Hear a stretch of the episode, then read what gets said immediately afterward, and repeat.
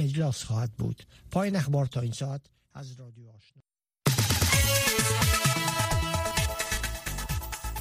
دا واشنگتن دی تاسو د امریکا غږ آشنا رادیو السلام علیکم د امریکا غږ آشنا رادیو ترنو اوریدونکو په دې هیله چې روغ جوړ به زه نذرانه یوسف زیم تاسو د امریکا غږ آشنا رادیو نه زمونږه خبری خبرونه اورئ قدرمن اوریدونکو د خبرونې په سر کې پام وکړئ خبرونه ده ویان احمد الله ارچیوال د خوړو نړیوال پروګرام دبليو اف پی وايي په افغانستان کې د هرو لسو کورنیو له ډلې نهه کورنۍ کافي خواړه نه لري دغه سازمان دا شمیرې تیره شپه پر خپل ایکس پاڼې خپرې کړي دبليو پی وايي لوږه تر دې کچې رسېدلې چې ډېری کوچنیان تشه معده ښونځیو ته ځي. دې پروګرام د یو شمېر افغان زده کوونکو او د هغوی د ښوونکو ویډیوګانې هم خپرې کړي چې هغوی پکې په دوی د لوږې د بدو اغېزو په اړه غږېږي.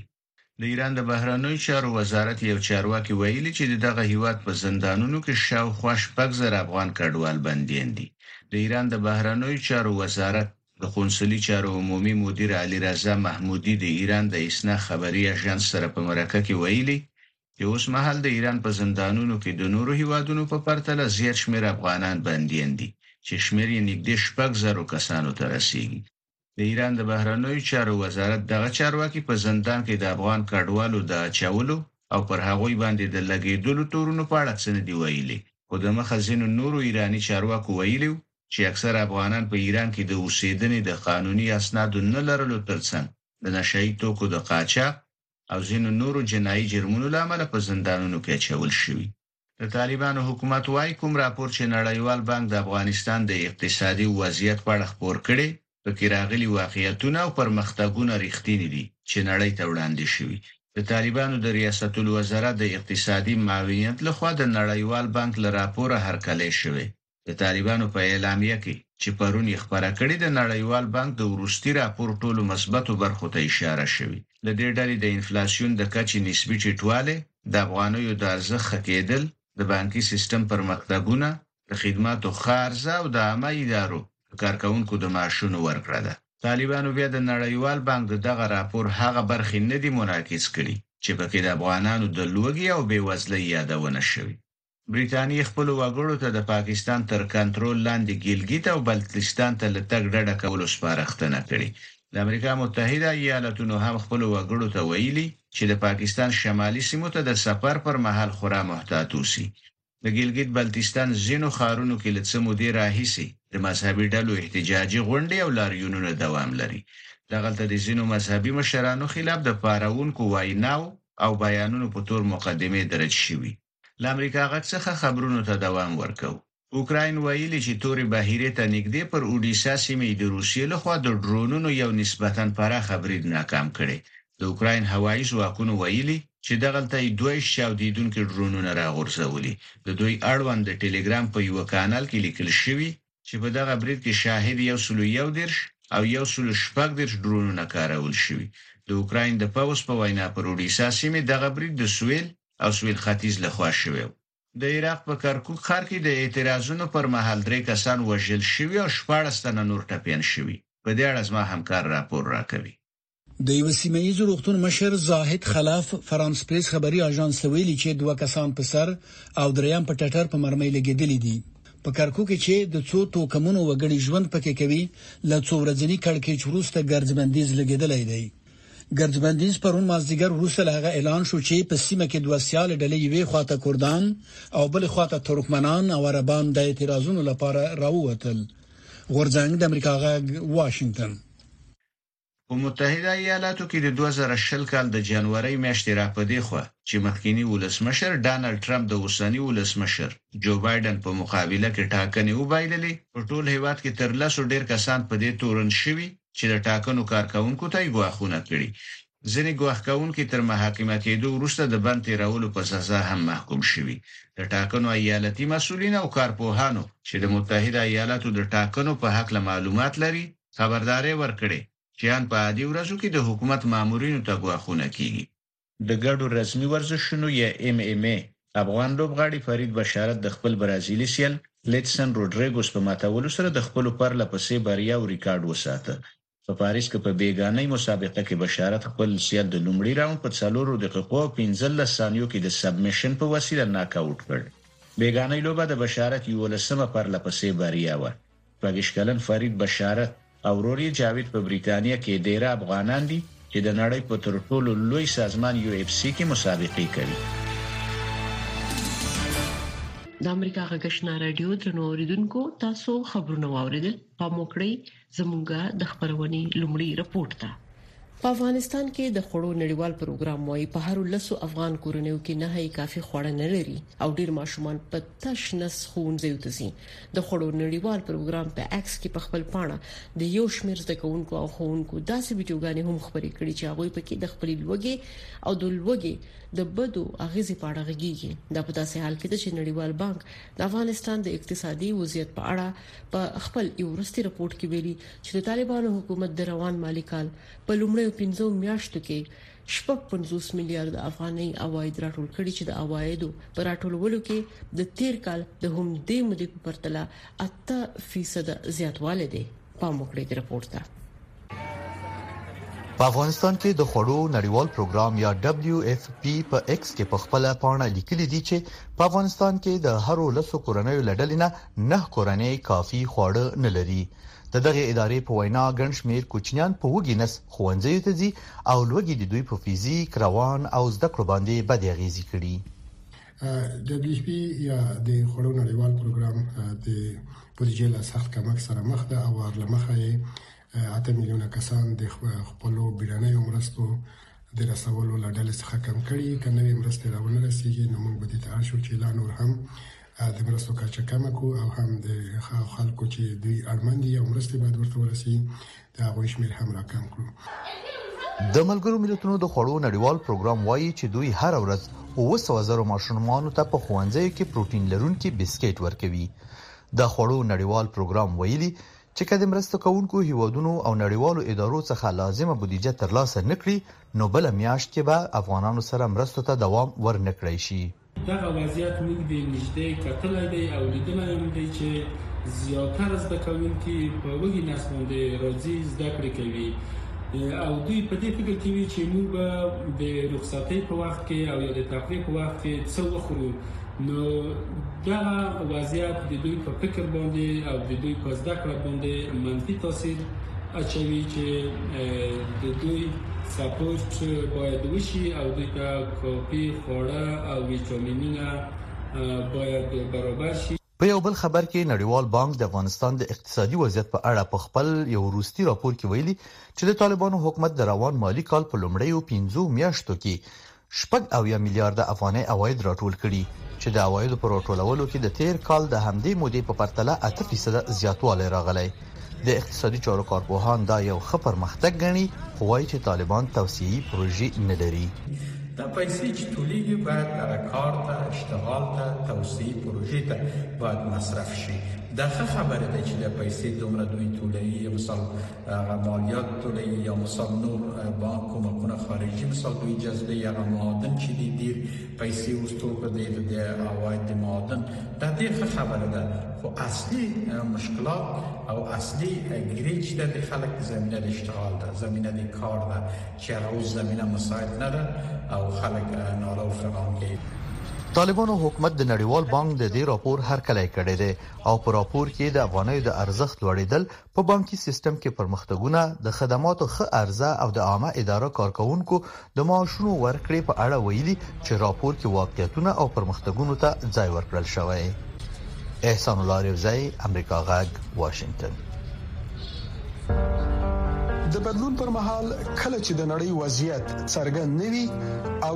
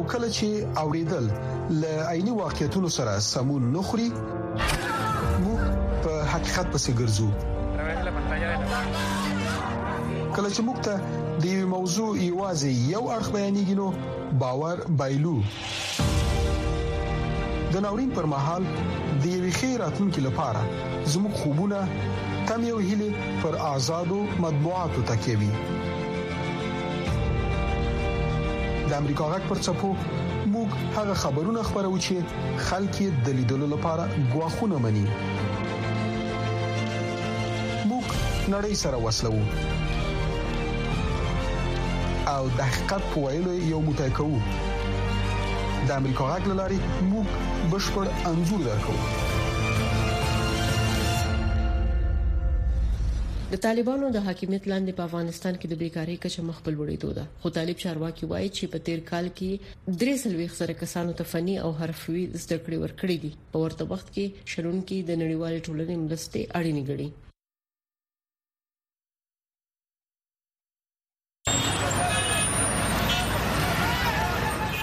په افغانستان کې د بیروزګارۍ د کچې لوړېدل او د کاروبار نشتون یو له هغه ستونزو یادېږي چې زیاتره ځوانان یې د وطن پرېښېدو ته مجبور کړي دي. د کارګرو نړیوالې ادارې یا ILO د تازه راپور له مخې د تېر کال په پرتله پنځه ویشت سلنه مېرمنو او اووه سلنه نارینهوو خپلې دندې له لاسه ورکړې دي. خو بل خوا هغه ځوانان چې د روزمره کار په مرسته خپلې کورنۍ ته نفقه برابروي، له طالبانو غواړي ترڅو په افغانستان کې د اقتصادي ودې برخې ته توجه وکړي. صبور په کابل ښار کې بولاني پلوري. نوموړی وايي، د بولانیو د پلور ګټه یې دومره ده چې کله کله د کور کرایه هم نه شي پوره کولای. ګوزاره میکنیم دیگه خوب است دیگه میشه گاهی وقت کرای خونه میمونه دیگه او میمونه فامیلی چی کنیم دیگه گوزاره میشه دیگه او زن دارم هستم یک بچه یک هم دارم شکر خرچ مصرف زیاد است خانه شریکی صبور د ستونزو په وړاندې مبارزه کوي. نوموړی وايي، ځوانان د بې کارۍ په وجه باید ځان خطراتو ته ور نه کړي، کوم چې پر سختو لارو نورو هېوادونو ته ځي. برازیو مې تیا گفتنی دارم نه کسی که در شهر خود خود چلانده نتواند در شهر مردم هیچ وقت خود چلانده نمیتواند خوب گپ میزنم نه ایجا که مردم خودت است زبان خودت است که خود چلانده نتوانی در اوشهر بیگانه چه رنگ خود بچلانی. د ملګرو ملتونو د راپور له مخې چې د طالبانو په راتګ تر نیم میلیون ډېرو کسانو دندې له لاسه ورکړې دي. خو د طالبانو د کار او ټولنیزو چارو وزارت ویاند سمیع الله ابراهیمي د راتلونکي پلانونو ترڅنګ د فني زده کړو د زمینو برابرولو خبره هم کوي. نو د کار په برخه کې د فني او حرفوي زده کړو له لارې مو هېوادوالو ته په تېر کال کې تقریباً دري څلوېښت زره نه زیاتو کسانو ته یې فني او حرفوي زده کړو برنامې په لاره اچولې وې چې هغوی په مختلفو ولایتونو مختلفو سیمو کې په مختلفو حرفو کې له دغو برنامو څخه ګټه پورته کړې ده او هغوی دغه برنامې زده کړې دي. ځینې څېړونکي په دې باور دي چې د نړیوالو له خوا د لویو پروژو بندېدل د افغانستان او نړۍ تر منځ نیم بنده اړیکې او په افغانستان کې کار اهلي کار ته نه سپارل هم د بېکارۍ کچه لوړه کړې ده. دا چې هغه غټې پروژې چې نړیوالو وعدې کړې وې یا یې مخته وړلې هغه پروژې هم واخیستلې په ټپه ودرېدلې نو دا ټول هغه شان و چې بیکاری ته لار خلاص کړه ده افغانان بیکاره سول او افغانانو په فرار باندې شروع وکړه چې گاونډي هیوادونو ته تلل نړیوالې ټولنې په افغانستان کې پر روانه بیکاری او د فقر د کچې پر لوړېدو تل خواشیني ښوولې ده خو د شنونکو په باور په افغانستان کې د طالبانو له لوري بشري حقونو ته نه درناوی، د مېرمنو پر کار و تعلیم بندیزونه او ورته نور موضوعات د دې باعث شوي دي چې له افغانستان سره د مرستو لړۍ بندې او تر دوه کاله زیات بیا هم د طالبانو حکومت په نړۍ کې هیڅ کوم هېواد په رسمیات نه دی پېژندلی. شمس آرین. امریکا غږ امریکا یو له هغو هیوادونو څخه چې د نړۍ له ګوټ ګوټ څخه د بیلابیلو کلتورونو دودونو ملیتونو او ارزښتونو کوربه دی په امریکا کې ژوند او دلته مهاجرت کول لکه د نورو هیوادونو په څیر خپلې ښېګڼې او سختۍ لري ځینې خلک په خپلو هڅو او له فرصتونو نه په ګټې اخیستو خپلو هیلو ته رسیږي خو ځینې نور بیا له ستونزو سره مخ کیږي ژوند په امریکا کې هر جمعه د افغانستان په وخت د مازیګر له شپږو نه تر شپږ نیمو بجو او د ختیځ امریکا په وخت د سهار له نه نیمو تر لسو بجو تر دې دمه د متحده ایالاتو یو ځانګړي استازي د حزب الله، لبنان د پوځ او اسرایل ترمنځ د روان کړکېچ د کمولو په منظور د خپلو هلو ځلو په لړ کې په دې اونۍ کې لبنان ته سفر وکړ. د څارونکو په وینا د دواړو لورو ترمنځ تشنج په وروستیو میاشتو کې زیات شوی. د عمان نه د خبریال ډګلاوګ د رالېږلي رپورټ خلاصه زموږ همکار سید سلیمان شاه تاسو ته دراوروي. د نړیوال انفراسټرکچر او انرژۍ د امنیت د چارو لپاره د متحده ایالاتو د جمهوري ریاست منتظم اموس هوچستاین له لوړپوړو لبناني مامورانو سره د مذاکراتو په غرض یووارې بیا لبنان ته په سفر تللی هوچستاین چې تېر کال په اکټوبر کې د لبنان او اسراییلو ترمنځ د سمندري حدودو د ټاکلو په منظور د یوه توافق لیک په لاسلیکولو بریالی شو، دواړو متخاصمو خواوو ترمنځ د ځمکني حد د ټاکلو امکانات ارزیابي کوي. په وروستیو څو میاشتو کې د ایران د طرفدارې ډلې حزب الله او د اسراییلو ترمنځ د خولې جنګ ګرم شوی، دواړو یو بل ته ګواښ کړی که جنګ ونښلي نو د ډبرې عصر ته به یې بوځي. که څه هم چې اسرائیل او حزب الله وايي چې د جنګ د پیل کولو نیت نه لري، خو دواړه د جنګ لپاره تیاری نیسي. په بیروت کې د لبنان د امریکایي پوهنتون استاد پروفیسور حبیب ملک امریکا غږ ته وویل، اوسني کړکیچونه که اصلي او یا ساختګي بڼه ولري، د حزب الله او اسرائیلو د دفاعي ځواکونو یا IDF ترمنځ به په کوم وسلوال ټکر منتج نه شي. د لبنان ملي خبري سرویس د هوچستاین په حواله رپوټ ورکړ چې یوې ضروري ممکنه نتیجې ته د رسېدو په غرض یې له جنوبي لبنان نه لیدنه وکړه.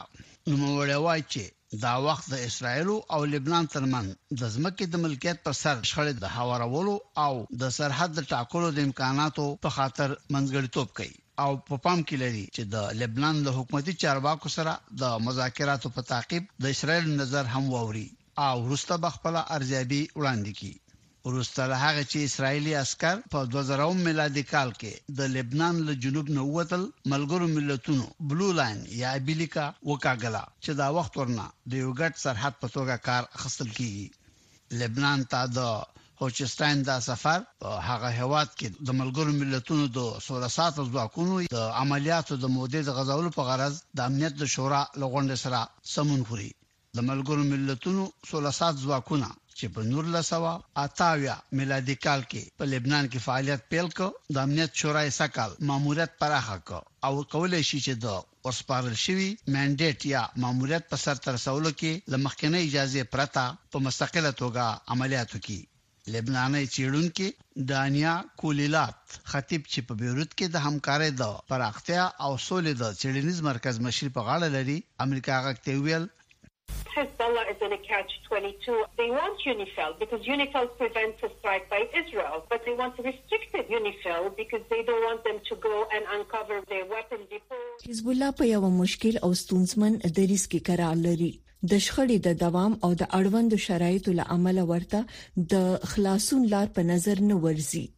غواړي چې د اسرایل د برید د مخنیوي په خاطر د ملګرو ملتونو سوله ساتي ځواکونه یا یونیفیل هلته حضور ولري او تللی نه غواړي خو د دې لپاره چې یونیفیل یې د وسلو او مهماتو پټي ډیپوګانې او پوخي تاسیسات رسوا نه کړي غواړي چې یو محدود رول ولوبوي تیر کال په دسمبر کې د لبنان په جنوب کې د یونیفیل یو آیرلندي عسکر چې په خپل موټر کې ناستو ویشل شو او وژل شو او یو بل ملګری ژوبل شو د حزب الله پنځه غړي د دغه برید په سرته رسولو تورن شوي خو نوموړې ډله رسما په دغه پیښه کې له رول درلودل نه انکار کوي او په اصطلاح یو تصادفي پیښه ګڼي سید سلیمان شاه د امریکا غږ واشنگټن د امریکا غږ راډیو خبرونه درولې دي خو امریکا غږ په پوره شمنتیا خپل افغان اوریدونکو ته په پښتو او دری ژبه د کاره باوري او هر اړخیزو خبرونو په خبرولو د افغانستان له بهره په 902 کیلو هرتز منځنوي سپو خپل خبرونه ته دوام ورکوي د دې ترڅنګ تاسو کولی شئ چې زموږ پښتو خبرونه په لاندو ټکو هم واورئ پښتو سهارنې خبری خبرونه پر وزارت 290.0 ټکو اوریدل شي ما خبرنې پښتو خبرونه په 2040.0 2015.0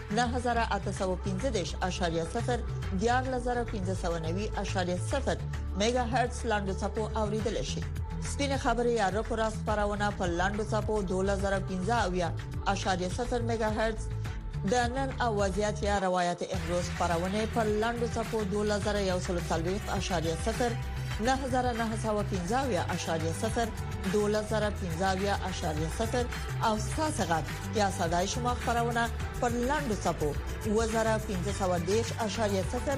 9315 میگا هرتز اوریدل شي د جنوبي چین په سمندر کې د ملکیت په سر لانجه په میامار کې جنجال او په یوکرين کې جګړه هغه موضوعات دي چې د امریکا مرستيال ولسمشر کامل هاريس را روانه ونی په جکارتا کې د جنوب ختیځي اسیا د هیوادونو د سازمان په غونډه کې بحث کوي نور تفصيل په دې رپورت کې کله چې تیر کال د امریکا د ولسمشر مرستیاله کاملا هریس په جنوب ختیځ اسیا کې و نوموړي د چین د غوښتاوولو لپاره د فلیپین په پلوان ټاپو کې تم شو دا سیمه د جنوبي چین د لانجمنې جزیرې سپارټلی د ختیځ په 310 کیلومترۍ کې پراته ده را روان اونۍ به په جاګارتا کې میرمن هریس د جنوب ختیځ آسیا د هیوادونو د سازمان آسیان په غونډه کې په همدې موضوع باندې خبرې وکړي چین تایوان او د آسیان څلور نور غړي ویتنام فلیپین مالیزیا او برونی د دغه لارې د ملکیت په اړه داواوې لري د جاګارتا د ټولې غونډې پر مهال تاسو له مرستيالي ولسمشر څخه د چین په اړه هم د بحث تمه کولای شئ یو څو خبرې مهمې دي هغه به د سمندرونو د آزاد ساتلو د لانجو د سولې ییز حل او په نړیوالو اوبو کې د کښتیو د تګ راتګ د ازادۍ د موضوعاتو څخه یو ځل بیا د امریکا د ملاتړ پخلی وکړي میانمار به د میرمن هریس د خبرو یو بل مهمه موضوع وي په میانمار کې د 2021م کال د پوځي کودتا په پایله کې زرګونه خلک وژل شوي او په میلیونونو نور له خپل سیمو څخه د ځای شوي دي آسیان او د امریکا په ګډون د ډیرو هیوادونو بندیزونه تر اوسه نه دي توانیدلي چې میانمار بیرته ورسواکۍ ته پر راګرځېدو باندې قانع کړي. په مایانمار کې موږ باید پوځي رژیم د تاوتریخوالي ودرولو او د اسیان د پنځو ټکو هوکړې عملي کولو ته وهڅوو، څو دغه هېواد ولسواکه حکومتدارۍ ته راستون شي. تمه ده چې هرس به پر اوکراین باندې د روسیې برید هم وغندي، لکه چې د جنوبي سمندر او د میانمار د لانجو په هکله یې چې نظر ده، دغه سازمان د اوکراین د جګړې په اړه پټه خوله دی. دوی یوازې د جګړې د پایلو په اړه اندېښمن دي او دغه سیمې ته د وسلو د لوی لیکدونکو هواد روسیې کړنې نه غندي. ښايي دا د انډونیزیا لپاره یو په شا تګ وي، ځکه چې که موږ د سرمشریزې لپاره د انډونیزیا مهم پروګرام ته وګورو، هغه د اسیان د هند او د بحرالکاهل پروګرام دی، امریکا به په دغه پروګرام کې ګډون ونه کړي په جاګارتا کې راټولېدونکي مشران به د یو بلې ننګونې سره هم مخ شي دا میاشت د انډونیزیا پلازمینه د نړۍ د تر ټولو زیاته ککړو ښارونو څخه یو و خو د چاپیریال د ککړتیا د مخنیوي لپاره یو لړ مبارزې هم روانې دي غورځنګ د امریکا غږ واشنگټن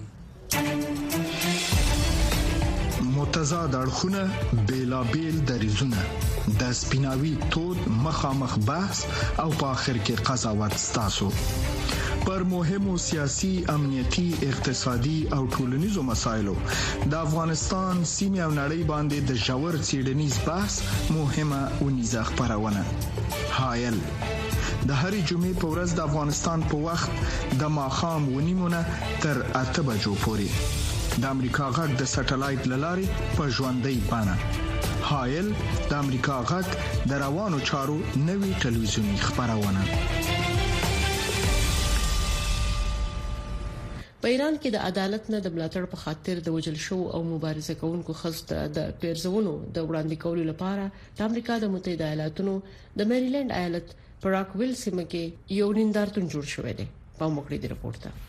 واشنګټن د څېرمه په دغه نندارتون کې له فرش څخه د لاسونو یو لړۍ راپورته کیږي. دوی خاموش او غلي دي. دغه هر یو لاس په ایران کې د 22 کلنې کوردۍ انجلۍ مهسا امینې له وژل کېدو وروسته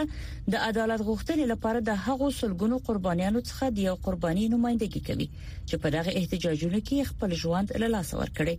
22 کلنه مهسا امینې وروسته له هغه چې په 2022 کال کې د پولیسو لخوا په بند کې مړه شوه، نوموړی په ښکاره په ایران کې د رژیم لخوا پر ویښتانو او جامو د لګول شویو بندیزونو څخه سرغړونه وکړه. د نوموړي مړینې په ټول ایران کې خلک لارینونو ته واچول په دغه خلکو کې یو یې هم کینیايي هنرمند ده یوازې د تاوتریخوالي لیدل چې سړي خزي کوشنیان پکې وژل کېدل او په زرګونو نور پکې نیول کېدل د ډیرو خلکو لپاره زړه بوګړونکي وو د هنرمند کار مظاهره کوونکو د چا د خزو د ژوند او ازادۍ احتجاجونه چې د ایران په لار او بروم دارنګ د نړۍ په ځینو برخو کې په قوي تحریک واوښتل ته د عقیدت پیرزوینې وړاندې کوي زاړم چې لدی عمل چې دا زموږ د وخت د خزو د حقوقو تر ټولو ستر او تر ټولو مهم تحریک دی خبري وکړم د دې تحریک په اړه هغه مر چې په کار دی هغه مر خبري نه دي شوی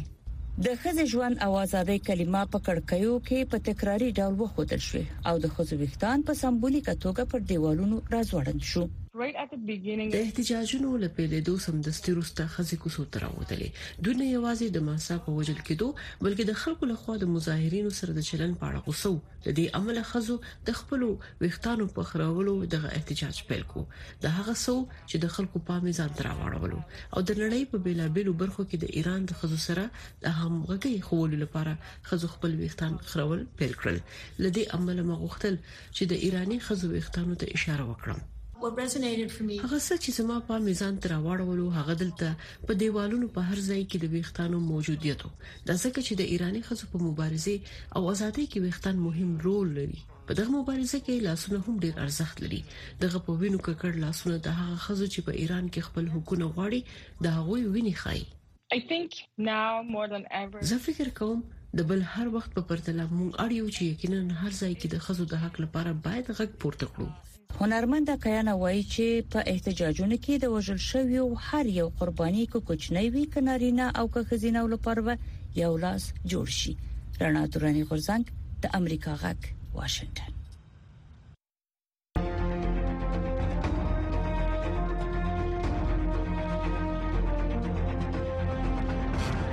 اتصال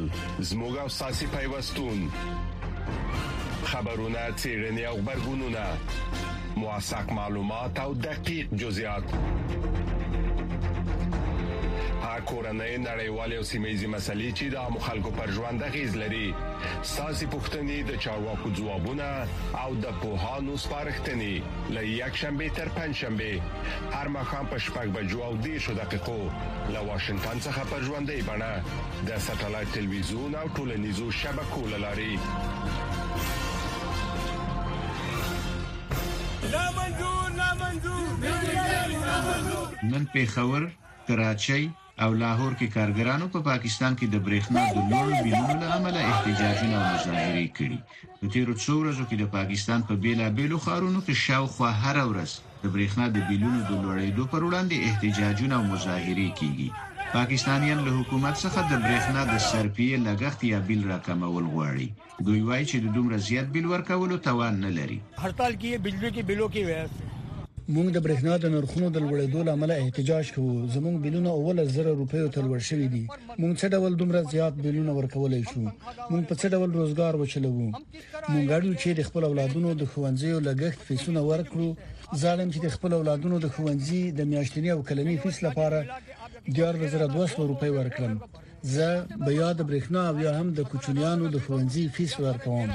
کدا سونه کړم زه د کور سودا نشم اخیستلای پاکستان د نړیوال وجهي صندوق دا شرط چې دغه هېواد به د انرژۍ د برخې ستر پور د راکمولو لپاره د انرژۍ په برخه کې خلکو ته د سبسایډي کچه راټیټوي او د برېښنا نرخ به لوړوي ومنلو. پاکستان دا مهال د برېښنا په برخه کې اوه نیم میلیارده ډالره پوروړی دی. شنونکي وايي چې موجود ناورین د تېرو څو کلونو د اقداماتو زېږنده ده.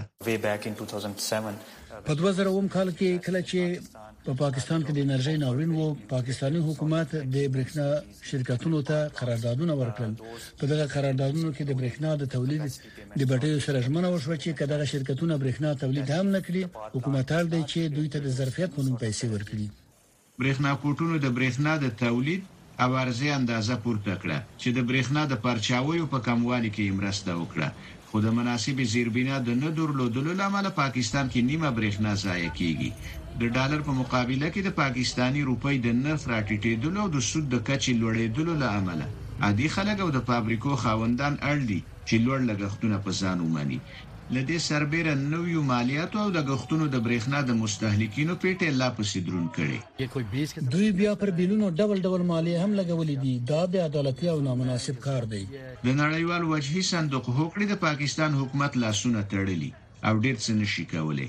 عادي پاکستانیان وايي، په دغه هېواد کې د اړینو توکو او د برېښنا د نورخونو لوړوالی ملا ماتوونکی دی. دې وخت کې پاکستان کې چې کوم معاشي اړی ګړی ده هغې د ملک ټولې طبقې ځپلي دي. که شتمن دي هغوي ځان له د بجلې بلونو او نورو مسلو نه سرټکوي، دغه شانتې عام وګړي چې کوم دي هغوي ته د مخکې نه کوم چې خوراکي توکو کې لوی ستونزې وې هغه ستوکې اوس ورته د بجلۍ بیلونو او نور آمدن کې لوی ستونزې دي. د دې سره سره چې د پاکستان حکومت د دې ستونزې پر حل غور کوي، د چارواکو پیغام روښانه دی او هغه دا چې خلک باید بیلونه ورکړي. احمدالله ارچیوال، اشنا تلویزیون، واشنګټن.